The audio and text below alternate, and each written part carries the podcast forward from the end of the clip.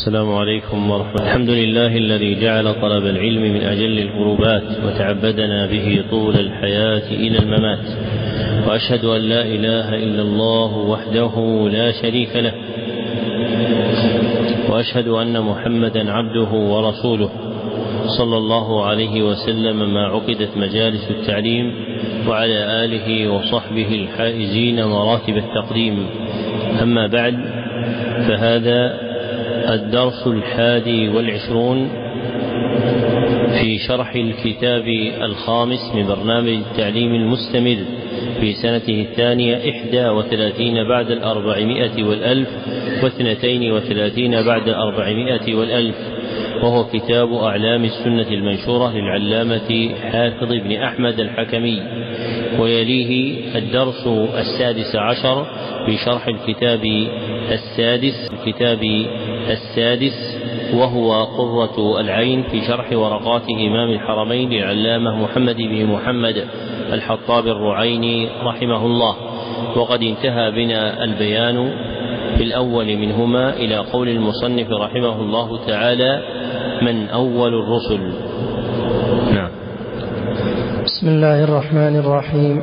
الحمد لله رب العالمين وصلى الله وسلم على نبينا محمد وعلى آله وصحبه أجمعين. أما بعد أحسن الله إليكم. قال الشيخ حافظ رحمه الله تعالى سؤال من أول الرسل؟ جواب أولهم بعد الاختلاف نوح عليه السلام كما قال تعالى إنا أوحينا إليك كما أوحينا إلى نوح والنبيين من بعده. وقال تعالى كذبت قبلهم قوم نوح والأحزاب من بعدهم. لا يزال المصنف رحمه الله تعالى يبين أشياء تتصل بالإيمان بالرسل. فمن جملة ذلك ما ذكره بسؤاله قائلا من أول الرسل؟ ثم أجاب عنه بقولهم أولهم بعد الاختلاف نوح عليه السلام. ومراده بالاختلاف ما أحدثه الناس من الشرك.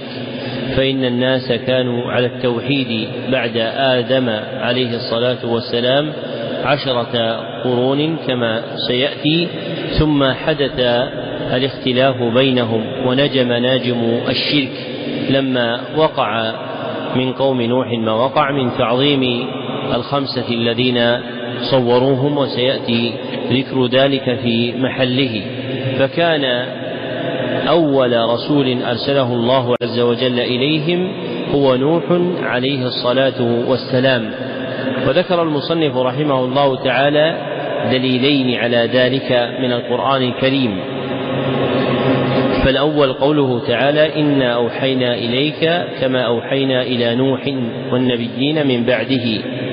ووجه دلالة الآية على أولية نوح تقديمه عليه الصلاة والسلام على سائر الأنبياء وعطفهم بالذكر عليه إذ قال الله إلى نوح والنبيين من بعده. والإيحاء الذي تقدم فيه نوح عليه الصلاة والسلام جميع من بعده من النبيين هو إيحاء الرسالة. أما إيحاء النبوة فقد تقدمه قبله أبونا آدم عليه الصلاة والسلام اتفاقا وإدريس في أصح قولي أهل العلم رحمهم الله تعالى.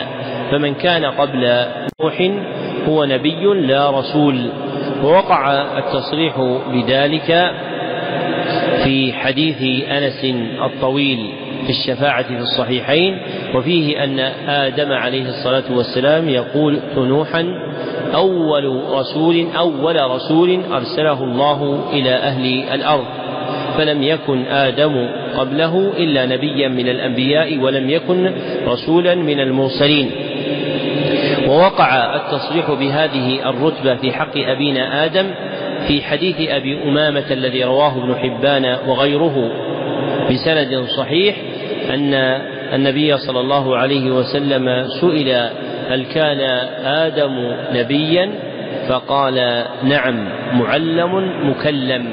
فأبونا آدم عليه الصلاة والسلام ثابت النبوة وأما الرسالة فإنه لم يكن رسولا بالمعنى الخاص على ما سبق بيانه من معنى الرسول العام والخاص. فكان عليه الصلاة والسلام نبيا من الأنبياء وكان بعده إدريس عليه الصلاة والسلام نبيا من الأنبياء ثم كان نوح بعدهما رسولا من الرسل.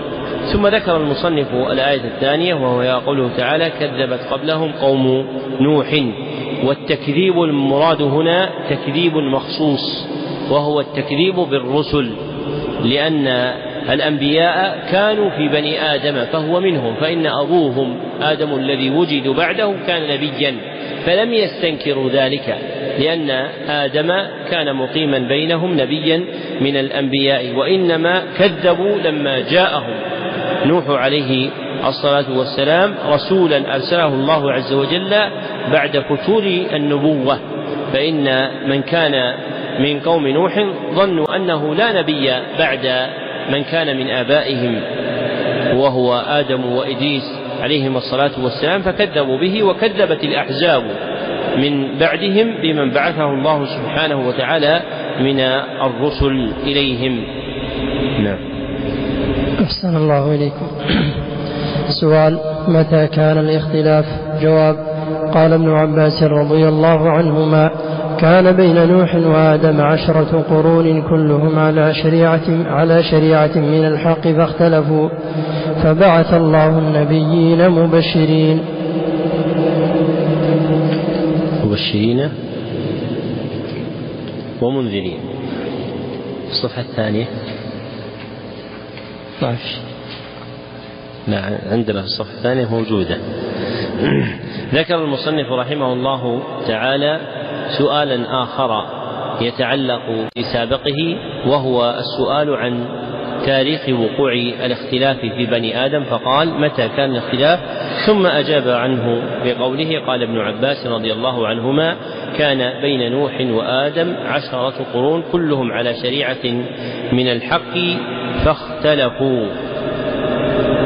وقد روى هذا الأثر عن ابن عباس ابن جرير وابن أبي حاتم في تفسيريهما والحاكم في مستدركه وإسناده صحيح. وروي ذلك مرفوعا في حديث أبي أمامة المتقدم وإسناده صحيح. قال كان بين نوح كان بين نوح وآدم عشرة قرون رواه ابن حبان مرفوعا وإسناده صحيح. فالواقع بين آدم ونوح عشرة قرون كلهم كانوا على التوحيد والقرن اسم للجيل من الناس. والغالب أنه يكون مئة سنة. فصار الجاري في عرف الناس أن القرن هو مئة سنة. وفي الأنساب يقدرون في المئة ثلاثة أجداد ذكره ابن حجر رحمه الله تعالى. فإن الإنسان في عمود نسبه كأبيه وأبي أبيه وجد أبيه يكونون في الغالب في مدة مئة سنة وجرى عرف المؤرخين والمحدثين على هذا في عد الرواة في أسماء أجدادهم ووجوه رواياتهم. ثم بعد هذه القرون العشرة اختلف الناس لما وقع الشرك في قوم نوح فبعث الله النبيين مبشرين ومنذرين فكان الناس أمة واحدة أي مجتمعين على أمر واحد. ثم لما تفرقوا فبعث الله النبيين مبشرين ومنذرين. فمعنى الآية كان الناس أمة واحدة فبعث الله النبيين ومبشرين ومنذرين. يعني كانوا على أمر واحد ثم اختلفوا. فبعث الله عز وجل النبيين مبشرين ومنذرين. والنبي والنبيون هنا بالمعنى العام الذي يشمل الرسل ومن دونهم. نعم أحسن الله إليك. سؤال من هو خاتم النبيين؟ عندك هكذا؟ عندك من هو ولا ما هو؟ من هو؟ إن في نسختنا ما هو؟ أي طبعا اللي عندك الرشد.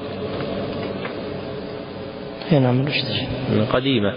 وإن كانت ترى النسخة هذه فيها قلق. ليست سوية مع أنها رسالة لكن فيها مواضع مشكلة. ونسخة النسخة موجودة في خط الشيخ واعتمد هو كذلك لكن للأسف قراءته للمخطوط ليست صحيحة. ويجوز السؤال من هو وما هو لأن ما تطلق أيضا على على العاقل. الأصل أنها لغير العاقل لكن تطلق على العاقل. ومنه قوله تعالى فانكحوا ما طاب لكم من النساء. إنما هنا للنساء وهن عاقلات. نعم.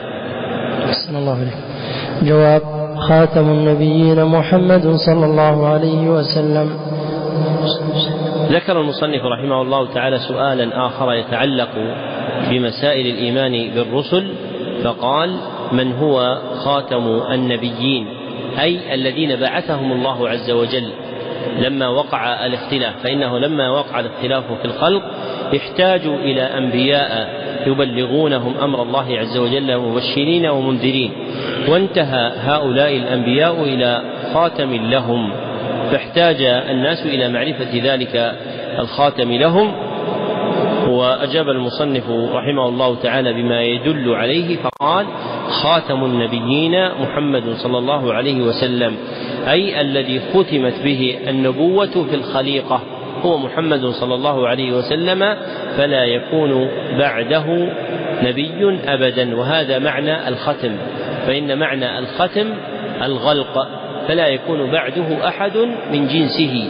فإذا قيل ختم النبوة وختام النبوة كان على يد النبي صلى الله عليه وسلم أي أنه لا يكون بعده نبي أبدا. نعم. أحسن الله إليكم سؤال ما الدليل على ذلك؟ جواب. قال الله تعالى ما كان محمد أبا أحد من رجالكم ولكن رسول الله وخاتم النبيين. وقال النبي صلى الله عليه وسلم إنه سيكون بعدي كذابون ثلاثون كلهم يدعي أنه نبي وأنا خاتم النبيين ولا نبي بعدي. وفي الصحيح قوله لعلي رضي الله عنه ألا ترضى أن تكون مني بمنزلة هارون من موسى إلا أنه لا نبي بعدي. وقوله صلى الله عليه وسلم في حديث الدجال وأنا خاتم النبيين ولا نبي بعدي وغير ذلك كثير.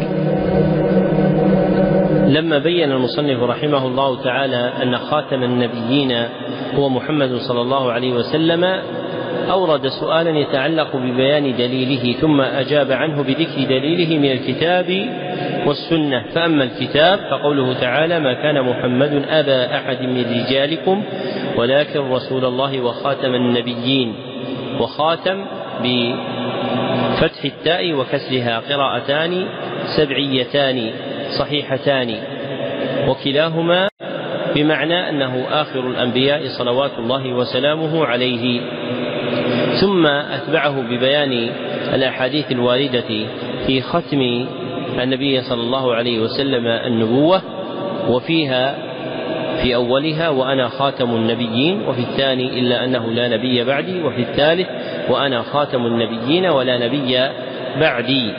والحديثان الأولان صحيحان وأما الثالث فإن سياقه طويل وفيه ضعف لكن هذه الجملة صحيحة. ويغني عن هذه الأحاديث ما جاء في الصحيحين من التصريح بذلك في حديث أبي هريرة رضي الله عنه في حديث طويل وفيه وأنا خاتم النبيين. فإن هذه الجملة الواقعة في حديث طويل في الصحيحين مصرحة بذلك. ويوجد في تضاعيف الأحاديث الطوال جمل تشتمل على معان يحتاج إليها ويغفل عنها الناس. ومنها ما رواه الإمام أحمد بسند صحيح من حديث عوف بن مالك أو المقدام بن معد كرب.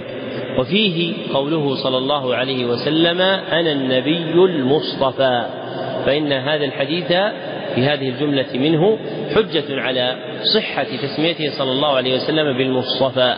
فإن من المعاصرين المنتسبين إلى السنة من زعم أن هذا غلوا وليس فيما سمى النبي صلى الله عليه وسلم به نفسه غلو ولكن عزب عن علمه هذه الجملة التي وردت في حديث طويل عند الإمام أحمد وفيها التصريح بكونه صلى الله عليه وسلم مسمى بهذا الاسم. والأحاديث الطوال من كوامن العلم وقد أفردها أهل العلم قديما ككتاب الأحاديث الطوال للطبراني رحمه الله تعالى وكذلك كتاب ابن الأثير فيها. وينبغي أن يعتني طالب العلم بها فإن في جملها معاني قد لا توجد في غيرها. واعتبر هذا في أحاديث الوفود التي ملأ ابن القيم رحمه الله تعالى كتابه زاد المعاد منها علما لما تعرض لبيانها بخلاف غيره من نقلة السيرة الذين يريدونها دون ذكر فوائدها وأحكامها فإن ما يتعلق بالوفود في زاد المعاد من أنفع ما فيه فإنه قل نظيره. ورب حديث بسط رحمه الله تعالى شرحه في قصص الوفود بأكثر من عشرين ورقة تشتمل على جملة من عيون الفوائد. نعم. أحسن الله إليكم. سؤال بماذا اختص نبينا محمد صلى الله عليه وسلم عن غيره من الأنبياء؟ جواب له صلى الله عليه وسلم خصائص كثيرة قد أفردت بالتصنيف منها كونه خاتم النبيين كما ذكرنا ومنها كونه سيد ولد آدم كما فسر بذلك قوله تعالى تلك الرسل فضلنا بعضهم على بعض. منهم من كلم الله ورفع بعضهم درجات. وقال النبي صلى الله عليه وسلم أنا سيد ولد آدم ولا فخر. ومنها بعثة ومنها بعثته صلى الله عليه وسلم إلى الناس عامة جنهم وإنسهم. كما قال تعالى قل يا أيها الناس إني رسول الله إليكم جميعا. الآية وقال تعالى وما أرسلناك إلا كافة للناس بشيرا ونذيرا. وقال النبي صلى الله عليه وسلم أعطيت خمسا لم يعطهن أحد قبلي نصرت بالرعب مسيرة شهر وجعلت لي الأرض مسجدا وطهورا. فأيما رجل من أمتي أدركته الصلاة فليصل وأحلت لي الغنائم ولم تحل لأحد قبلي. وأعطيت الشفاعة. وكان النبي وكان النبي يبعث إلى قومه خاصة. وبعثت إلى الناس عامة. وقال صلى الله عليه وسلم والذي نفسي بيده لا يسمع بي أحد من هذه الأمة يهودي ولا نصراني. ثم يموت ولم يؤمن بالذي أرسلت به إلا كان من أصحاب النار. وله صلى الله عليه وسلم من الخصائص غير ما, غير, غير ما ذكرنا غير ما ذكرنا فتتبعها من النصوص. لما بين المصنف رحمه الله تعالى أن ختم النبوة انتهى إلى محمد صلى الله عليه وسلم اقتضى ذلك عند العقلاء أن يكون الختم به لمعنى اختص به صلى الله عليه وسلم. فأورد رحمه الله تعالى سؤالا عظيما. يتعلق ببيان خصائص محمد صلى الله عليه وسلم. وهذه المسألة قل من ذكرها من المصنفين في المعتقد والجم الغفير يذكرها في سيرة النبي صلى الله عليه وسلم مع أن إلحاقها بالمعتقد أولى لأن مما يبين الختم للنبوة به صلى الله عليه وسلم معرفة خصائصه صلوات الله وسلامه عليه التي اختص بها دون غيره من الأنبياء أو من البشر.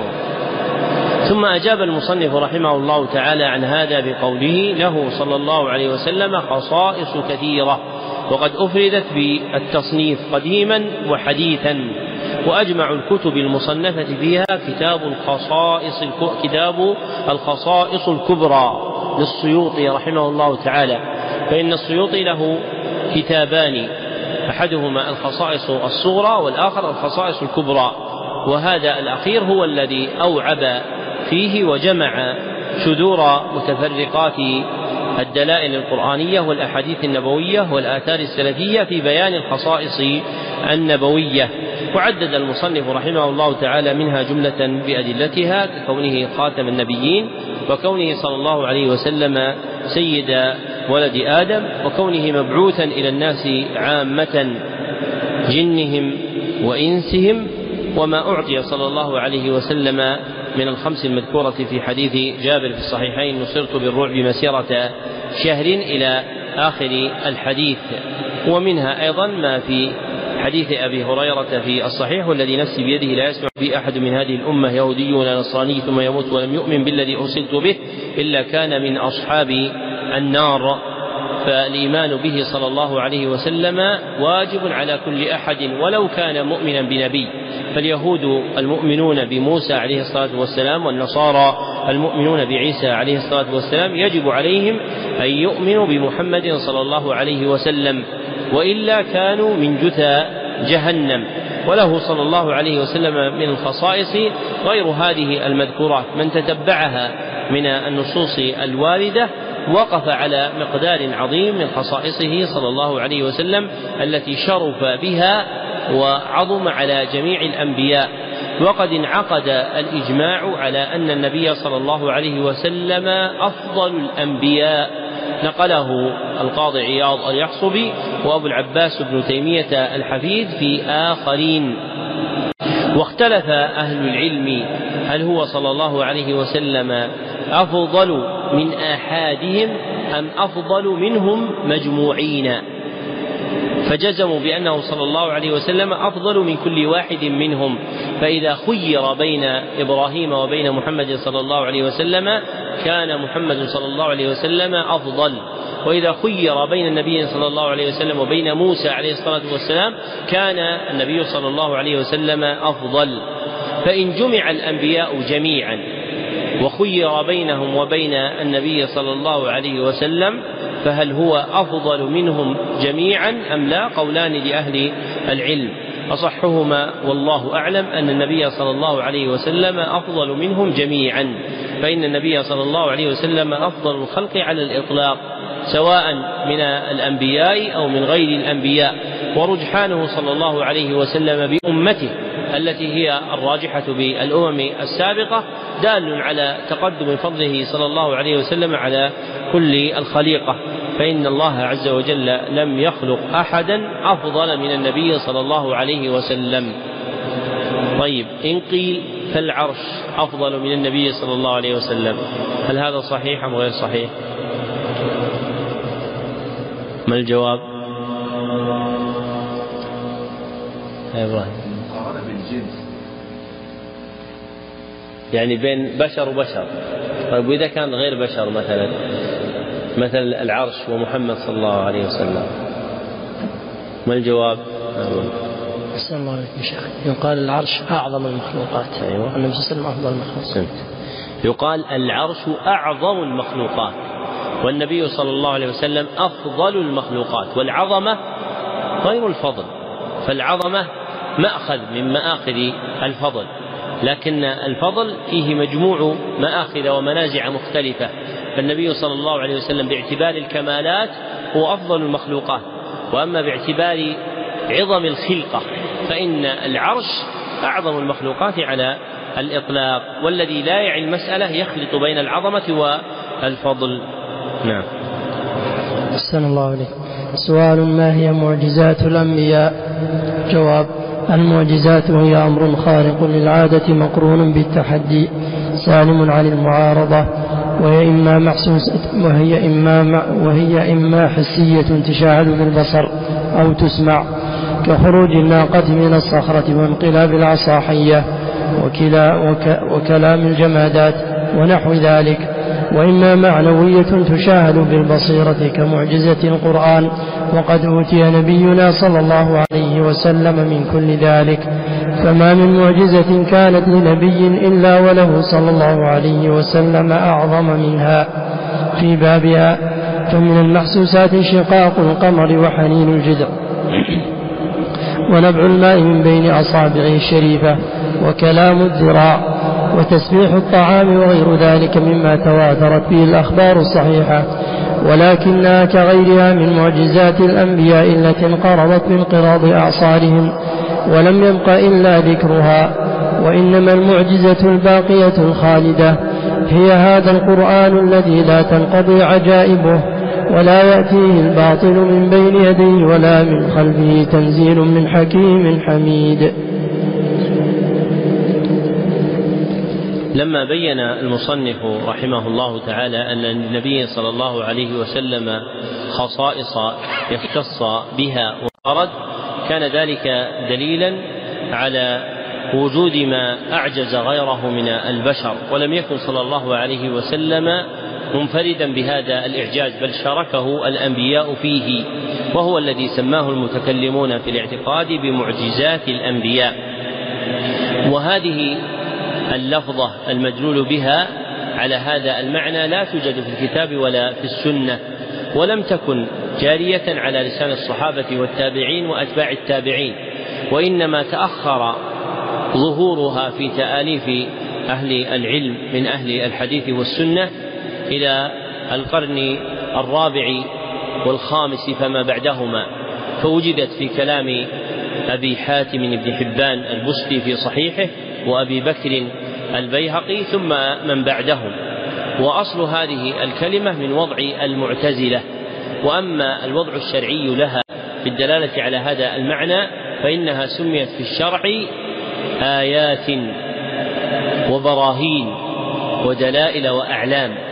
والمصنفون في هذا المعنى من قدام أهل الحديث سموا الكتب التي صنفوها بدلائل النبوة أو أعلام النبوة. فاللفظ الموضوع في الشرع للدلالة على هذا المعنى هو الآية وتبعه ما كان في معناه كالبرهان والعلم والدليل فصاروا يصنفون باسم آيات النبوة أو دلائل النبوة أو أعلام النبوة. وأما لفظ المعجزات فهو لفظ ولده المعتزلة ثم ضربوا في بيان حقيقته خبط عشواء. فكان من آثار خبطهم ما آلوا إلى قولهم المعجزات أمر خارق للعادة مقرون بالتحدي سالم عن المعارضة. فإن هذا الحد الشائع في تآليف أهل السنة هو مما سرى إليهم من كلام المعتزلة. ولذلك لا تخلو جملة منه من المعارضة. فإن قولهم المعجزة هي أمر خارق للعادة لم يبينوا فيه العادة المخروقة ولا الخارقة لها فإن العادة تقع على أنواع فهناك عادة للكون كله. كما ذكرنا أن المطر لا يكون إلا بسحاب فإن هذه عادة جارية للكون كله. وهناك عادة تكون خارقة في زمن دون زمن. فمثلا الطيران في الجو في الزمن الماضي في القرون الأولى فما بعدها هل كان ممكنا عقلا؟ غير ممكن عقلا. وليس موجودا بينهم. وأما اليوم فإنه أمر شائع ذائع بواسطة الطائرات أو غيرها من المركبات. كما أن الأمر الخارق يختلف مأخذه. فتارة هذا الأمر الخارق يتعلق بنبي وتارة يتعلق بولي وتارة يتعلق بصاحب ضلالة وبدعة ك ساحر أو عاص أو غير ذلك. ولما وجد المعتزلة هذه المشاركة في جريان الخارق نفوا كرامات الأولياء وقالوا إن السحر إيش؟ تخييل لا حقيقة له. هذا منشأ قولهم. قالوا إن كرامات الأولياء لا وجود لها وإن السحر تخييل لأنهم أوجدوا الأمر الخارق للعادة الذي ظنوا أن نبوات الأنبياء تثبت به. فلما صار يوجد في خرق العادة أشياء تجري على غير أيدي الأنبياء آل بهم ذلك إلى إبطالها. فقالوا بإبطال كرامات الأولياء وقالوا إن السحر تخييل لا حقيقة له. ثم ما ادعوه في أن تلك المعجزة تكون مقرونة بالتحدي ليس صحيحا فإنها قد تكون مقرونة بالتحدي وقد لا تكون مقرونة بالتحدي. فإن النبي صلى الله عليه وسلم جرت منه أعلام للنبوة ودلائل عليها لم تكن في طلب تحدي من الناس. كما جاء فيما تنزل عنه من القرآن. فإن من القرآن ما تنزل بسبب ومنه ما لم يتنزل بسبب. فمثل هذا لم يكن الذي نزل بغير سبب لم يكن واقعا على تحد وهم حصروه بالتحدي. ثم قولهم سالم عن المعارضة أي لا يقوم أحد بمعارضته. وليس مقصودهم سالم من المعارضة لا يقدر أحد على معارضته بل مرادهم أنه لا يقوم أحد على معارضته وهذا ليس بصحيح فإن من معجزات الأنبياء من ادعى المخالف لهم أنه يعارضها كما قال النمرود في مقابل قول إبراهيم ماذا قال له؟ قال أنا الذي أحيي وأميت. فهو قد احتج على إبراهيم. قال أنا أحيي وأميت. فاحتج على إبراهيم لما ذكر إحياء الله وإماتته بأنه يحيي ويميت فعارضه في ذلك. وكذلك مسيلمة الكذاب عارض القرآن الكريم زاعما أنه عنده قرآن كقرآن محمد صلى الله عليه وسلم كما زعم الأفاك في ما روي عنه من سور وآيات في هذا المعنى. فهذا الاصطلاح الموضوع منتقد من وجوه. ذكر أبو العباس بن تيمية جملة منها وفي الجعبة غيرها لأن الاصطلاح الباطل لمن أدقق النظر فيه لا يزال يتهاوى من جنبات كثيرة فالباطل على جرف هار لمن دقق النظر فيه وحققه. فيحتاج إلى وضع شيئين اثنين أحدهما وضع لفظ دال على هذا المعنى والثاني وضع ألفاظ تبين حقيقة هذا اللفظ. فاللفظ الموضوع لهذا المعنى في الشرع ما هو؟ الآية. طيب واللفظ الذي يدل على هذا الألفاظ التي تبين هذا المعنى كيف نعرف نقول آيات النبوة؟ ما الجواب؟ واضحة المسألة عندكم؟ طيب نريد الآن تأتون بألفاظ تبين ما هو تعريف آية النبوة.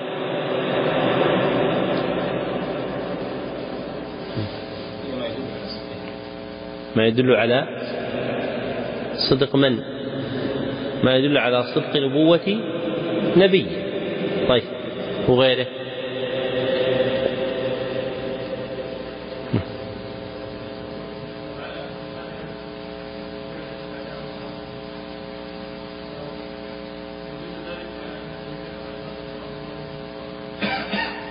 لا بغض النبي صلى عن النبي صلى الله عليه وسلم بشكل عام آيات النبوة سواء في موسى أو في محمد صلى الله عليه وسلم أو غيره.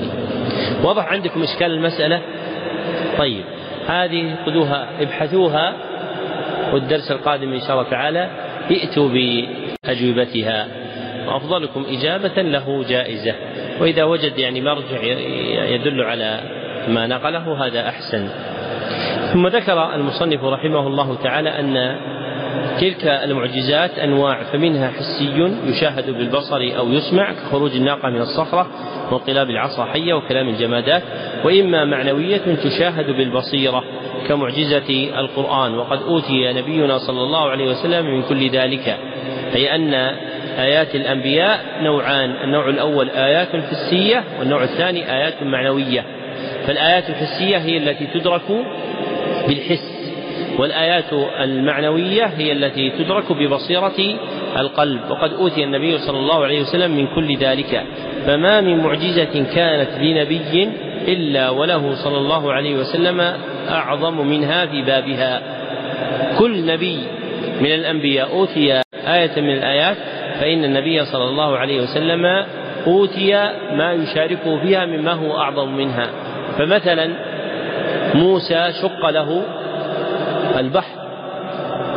والنبي صلى الله عليه وسلم أوتي من جنسها أعظم منها وهو انشقاق القمر. وأيهم أعظم انشقاق البحر ولا انشقاق القمر؟ انشقاق القمر. لأن القمر لا سبيل إليه. وأما البحر فهو يمكن أن يردم في ناحية من نواحيه ويجعل طريق منه. والبحر يعني الماء المتسع سواء كان نهرا أو بحرا. أما القمر فلا سبيل إليه. مثال آخر. موسى عليه الصلاة والسلام كلمه ربه ومحمد صلى الله عليه وسلم كلمه ربه في ليلة الإسراء. ما الفرق بينهما؟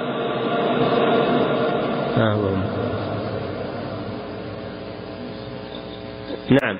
أن موسى كلمه الله على الأرض ومحمد صلى الله عليه وسلم لما أراد الله أن يكلمه رفعه سبحانه وتعالى إليه.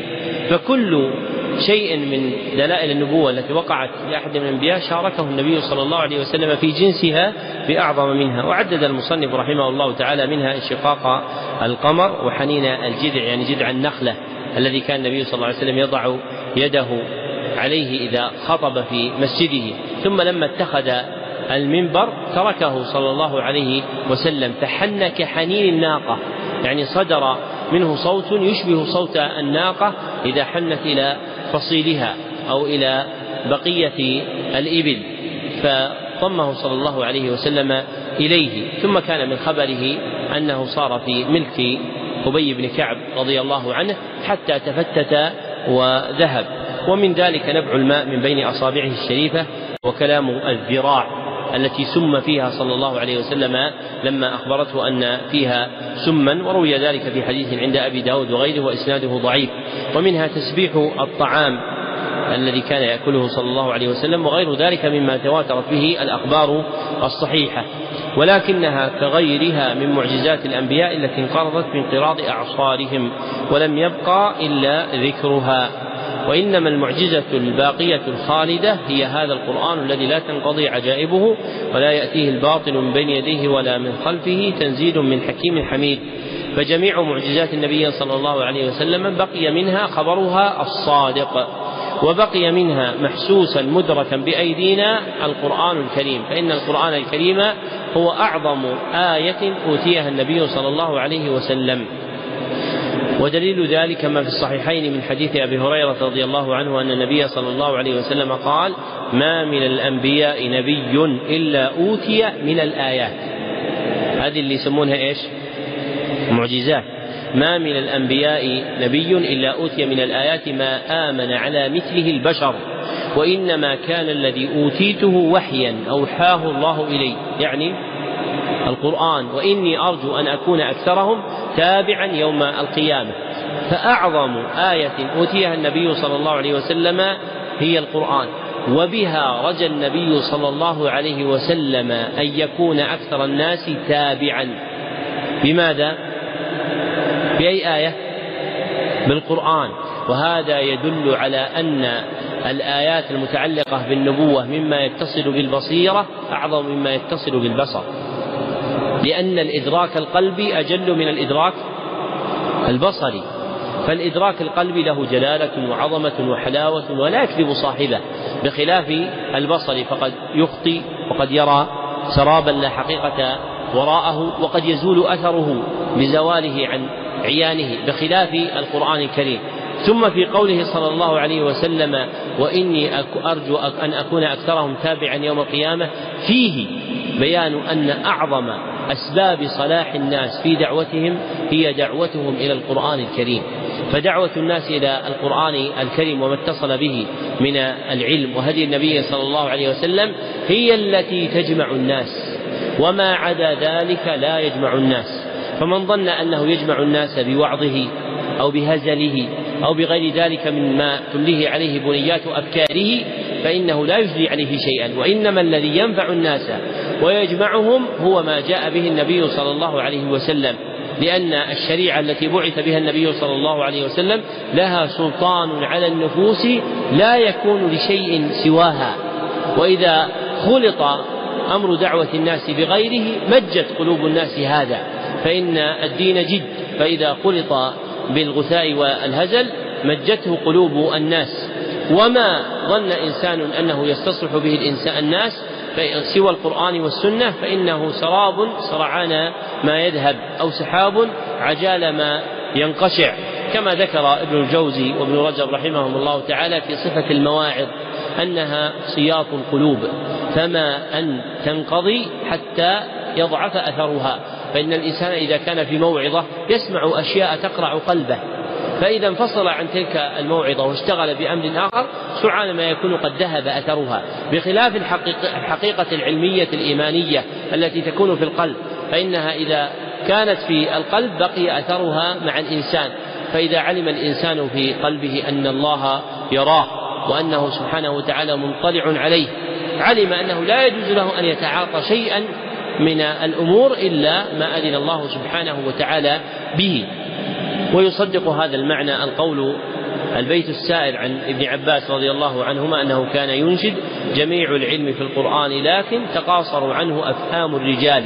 فجميع أسباب الخير هي في القرآن الكريم. وما نشأت دعوة على الكتاب والسنة وتفجير علومهما إلا انتفع أهلها وانتفع الناس من بعدهم بها. وما هجر أناس الكتاب والسنة في دعوتهم إلا ضعفت دعوتهم وآلت إلى زوال. نعم. أحسن الله عليكم سؤال ما دليل إعجاز القرآن؟ جواب الدليل على ذلك نزوله في أكثر من عشرين سنة. متحديا به أفصح الخلق وأقدرها على الكلام وأبلغها منطقا وأعلاها بيانا قائلا. فليأتوا بحديث مثله إن كانوا صادقين. وقول وقال, وقال تعالى قل فاتوا بعشر سور مثله مفتريات. وقال تعالى قل فأتوا بسورة مثله. فلم يفعلوا ولم يروا ذلك مع شدة حرصهم على رد فلم يفعلوا ذلك ولم يروموا فلم يفعلوا ولم يروموا ذلك مع شدة حرصهم على رده. بكل ممكن مع كونه مع كون حروفه وكلماته من جنس كلامهم من جنس كلامهم من جنس كلامهم الذي به يتحاورون وفي مجال وفي مجاله يتسابقون ويتفاخرون. ثم نادى عليهم ببيان عجزهم وظهور إعجازه. قل لئن اجتمعت الإنس والجن على أن يأتوا بمثل هذا القرآن لا يأتون بمثله ولو كان بعضهم لبعض ظهيرا. وقال صلى الله عليه وسلم ما من الأنبياء من نبي إلا وقد أعطي من الآيات ما مثله آمن عليه البشر وإنما كان الذي أوتيت وحيا أوحاه الله إلي فأرجو أن أكون أكثرهم تبعا يوم القيامة. وقد صنف الناس في وجوه إعجاز القرآن من جهة الألفاظ والمعاني والأخبار الماضية والآيات من المغيبات وما بلغوا من ذلك إلا كما يأخذ العصفور بمنقاره من البحر. لما ذكر المصنف رحمه الله تعالى أن أعظم آيات النبي صلى الله عليه وسلم هي هو القرآن الكريم. أورد سؤالا يتعلق بإعجاز القرآن الكريم. وأصل مسمى الإعجاز كما سبق هو من وضع المعتزلة. وأعظم معجزات النبي صلى الله عليه وسلم هي إعجاز القرآن. وإعجاز القرآن من مباحث العقيدة تبعا لشيئين اثنين. أحدهما الإيمان بالكتب والثاني الإيمان بالرسل. فإن الإيمان بالكتب ومن جملتها القرآن يقتضي أن يكون فيها بيان لإعجازه أي علوه وظهوره وبروزه. كما أن الإيمان بالرسل وفيهم محمد صلى الله عليه وسلم وأعظم آياته هو القرآن يقتضي أن يكون في مباحث العقيدة بيان لإعجاز القرآن وهو مبحث مهجور في أكثر كلام المتكلمين في أبواب العقيدة وصار إعجاز القرآن غالبا يذكر في علوم القرآن أو في التفسير مع أنه لصيق بمباحث العقيدة والقول فيه طويل وقد أفرد قديما وحديثا بالتصنيف فإن الله سبحانه وتعالى أظهر في مواضع عدة من القرآن الكريم جلالة هذا الكتاب. وكان من البرامج الإذاعية القديمة النافعة وأظنه طبع كتابا درس آه، كان يذاع في إذاعة القرآن اسمه حديث القرآن عن القرآن. فإن ممليه كان يأتي بالآيات القرآنية التي فيها بيان ما يتعلق بالقرآن من قدره وجلالته وعظمته.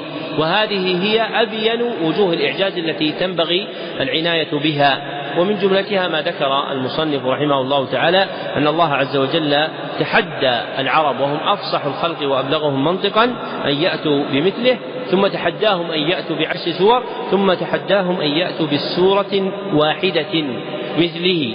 ومع ذلك لم يفعلوا ولم يروموا أي, أي لم يطلبوا ذلك ولم يقصدوا تحقيقه مع شدة حرصهم على رده. مع أن الحروف التي نزل بها هي من جنس كلامهم. وهم يتسابقون ويتفاضلون في ميدان الفضل بينهم بالفصاحة والبلاغة. فإن العرب كانت تجتمع في أسواقها وفي الموسم فيكون لكل قوم منهم خطيب يخطب عن قومه يظهر مكانتهم وجلالتهم في الفصاحة. فتحداهم الله عز وجل بذلك وأظهر عجزهم وأخبر أن الخليقة جميعا لو اجتمعت على أن تأتي بمثل هذا القرآن لا يأتون بمثله كما قال تعالى قل لئن اجتمعت الإنس والجن على أن يأتوا بمثل هذا القرآن لا يأتون بمثله ولو كان بعضهم لبعض ظهيرا يعني نصيرا. وإنما ذكر الجن والإنس دون بقية الأفراد لأنهم هم المخاطبون بالأمر والنهي فإن خطاب الأمر والنهي الذي يسمى بالتكليف متعلق بالإنس والجن دون بقية المخلوقات. ثم أورد المصنف رحمه الله تعالى حديث أبي هريرة الذي سبق وفيه وإنما كان الذي أوتيته وحيا أوحاه الله إلي ثم ذكر رحمه الله أن الناس صنفوا في وجوه القرآن من جهة الألفاظ والمعاني والأقبال الماضية والآتية من المغيبات وما بلغوا من ذلك إلا كما يأخذ العصفور بمنقاره من البحر. وصدق رحمه الله تعالى. فلا تظن فلا تظنن أن إعجاز القرآن ينتهي إلى ما ذكره المصنفون في الكتب. بل من أدمن النظر في وجوه تصريف القرآن لفظا ومعنى بدت له أشياء لم يذكرها من قبله. وأنا أذكر لكم مثالا واحدا. فأنتم قبل قراءة القرآن تقولون أعوذ بالله من الشيطان الرجيم. عملا بقوله تعالى فإذا قرأت القرآن فاستعذ بالله من الشيطان الرجيم. طيب هل أعوذ بالله من الشيطان الرجيم؟ آية من القرآن. الجواب ليست آية من القرآن بالإجماع. طيب مع أنه مأمور بقراءته وبآية في القرآن الكريم وجعلت شعارا للبداءة في القرآن الكريم حتى أنك إذا سمعت إنسان يقول أعوذ بالله من الشيطان الرجيم سيقرأ. ماذا سيقرأ بعدها قرآن لا تكون قبل غيره. ومع ذلك لم تكن آية من القرآن الكريم. لماذا؟ وجوه لكن من هذه الوجوه أن في ذلك تحقير للشيطان. لأنه لا يبلغ قدره وشاوه. أن تكون أن يكون حصن التحرز منه آية قرآنية. إنما هو ذكر من الأذكار العامة التي لا تكون في كمالها كآية من القرآن الكريم لأن القرآن هو أفضل الكلام. فمع أن هذا ذكر أمر به للتحرز من الشيطان لكن هذا تصديق قول الله عز وجل إن كيد الشيطان كان ضعيفا. فمن إضعاف كيده وبيانه أن هذه الاستعاذة التي أمر بها لم تجعل آية من القرآن الكريم. في وجوه كثيرة من وجوه الإعجاز إذا تأمل الإنسان في قراءته للقرآن فضلا عن المعاني تأمل في قراءتك فضلا للقرآن الكريم دون غيره. مثل الاستعاذة هذا وجه. وجه آخر أنها جعلت شعارا للقرآن الكريم دون غيره. ما يأتي إنسان ويقرأ كتاب في الحديث يقول أعوذ بالله من الشيطان الرجيم ويقرأ الحديث أو يقرأ آه، كتاب من السنة يقول أعوذ بالله من الشيطان الرجيم. اختصت بالكلام الرباني. لماذا؟ لأن الكلام الرباني إذا وقع في الآذان تميز عن غيره. إذا إذا وقع في الآذان تميز عن غيره فلم يحتج إلى سوى الاستعاذة. بخلاف الكلام البشري الآن الإخوان إذا بدأوا يقولون قال المصنف رحمه الله أو قال حافظ حكمي يحتاج إلى تمييزه ببيان المتكلم المصنف المتكلم. لكن كلام الله عز وجل لا يحتاج إلى إلى تمييز لأنه يعلو ولا يعلى عليه وصفاته التي انفرد بها كثيرة. وهذا الباب للأسف طلاب العلم يهملونه كثيرا مع أنه مما يغرغر حلاوة القرآن في الكتاب في القلب. الإنسان الذي يقرأ القرآن لا يعرف وجوه إعجازه كيف يعظمه؟ إذا اطلع على وجوه إعجاز القرآن يزداد إجلالا ومهابة لهذا الكتاب العظيم. فينبغي أن يعتني طالب العلم بالكتب التي تبين إعجاز القرآن ثم يحرص أن تكون تلك صفة منطبعة فيه. فتكون له ملكة في استخراج وجوه إعجاز القرآن الكريم سواء في ألفاظه أو معانيه. وهذا آخر البيان على هذه هذا آخر التقرير والبيان على هذه الجملة. الكتاب وبالله التوفيق.